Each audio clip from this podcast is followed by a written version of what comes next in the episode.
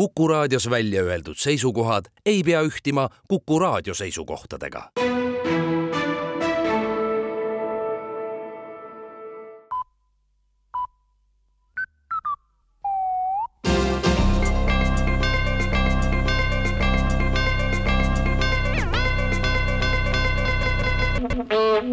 uudised on eetris ja stuudios Rohke Debelak rahandusministeerium annab teada, et automaksu kehtestamise järel rakenduvad mitmed kompenseerimise mehhanismid nii vanasõidukitele, erisõidukitele, valdade sõidukitele. et kompenseerimisteks ja maksu haldamiseks raha leida, siis kehtestatakse ka automaksu kompenseerimise maks, mis on kakskümmend protsenti automaksu suurusest ja tagab kõikvõimalike kompenseerimistega tekkivad kulud. kui automaks on keskmiselt seitse, kaheksa kuni üheksasada eurot või natukene peale aastas, siis automaksu kompenseerimise maks jääb nii kahe kahesaja euro kanti. kui huvigruppe, kellele tuleb hakata automaksu kompenseerima, tuleb veel juurde, siis suurendatakse kompenseerimismaksu vajadusel veel kümne protsendi võrra ja pealinna teateid.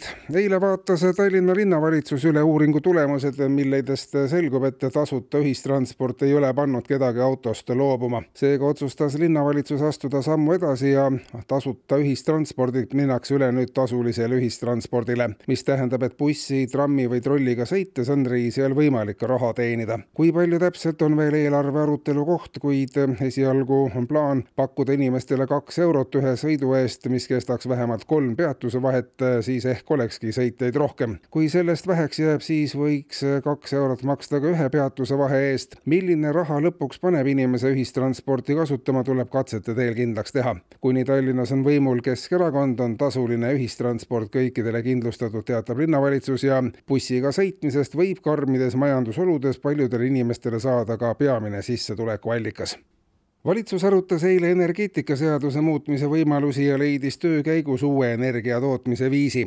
ühiskonnas hõõguv tasane tüli ja tüli koalitsiooni ja opositsiooni vahel on spetsialistide sõnul mõttekas ära kasutada. Praegu hõõgub tüli vaikselt tuha all ning sellest pole riigile ja ühiskonnale otsest kasu. kui tülienergia leiab kas või viiekümneprotsendilist rakendust, siis piisaks sellest juba suurema osa pealinna kütmiseks. kokku üle riigi hõõguvate tülide täielikul rakendamisel jagub aga soojust ja elektrit tervele Euroopale. tülienergia on taastuv ja täielikult kodumaine roheenergia. tülienergia kasutamise tehniliste küsimuste lahendamine ja autoriõigused tekitavad kindlasti veel palju tüli juurde ja kogu projekti õnnestumine on ülimalt tõenäoline, märgivad ka tehnilised konsultandid. eriliselt tuleks hoida inimesi, kes oskavad kogu aeg tühjast tüli teha, sest nende õlul on kogu riigi tulevik, märgitakse vastava analüüsi kokkuvõtteks ja Tallinna linnavalitsus teatab, et valmis on saanud linnaplaneerimise uusi suundi näitav linna peatänava lõplik lahendus kaua otsitud kompromiss üha kasvava autoliikluse ja vabamate jalutamisruumi nõudvate linlaste soovide vahel päädis otsusega ehitada Tallinna uus peatänav linnast välja.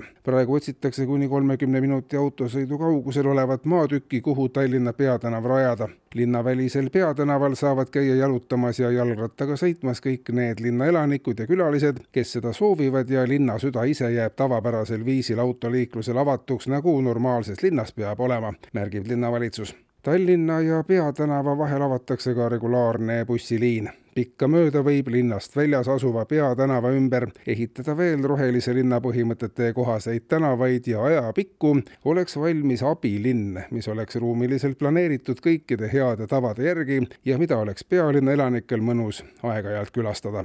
eetris olid uudised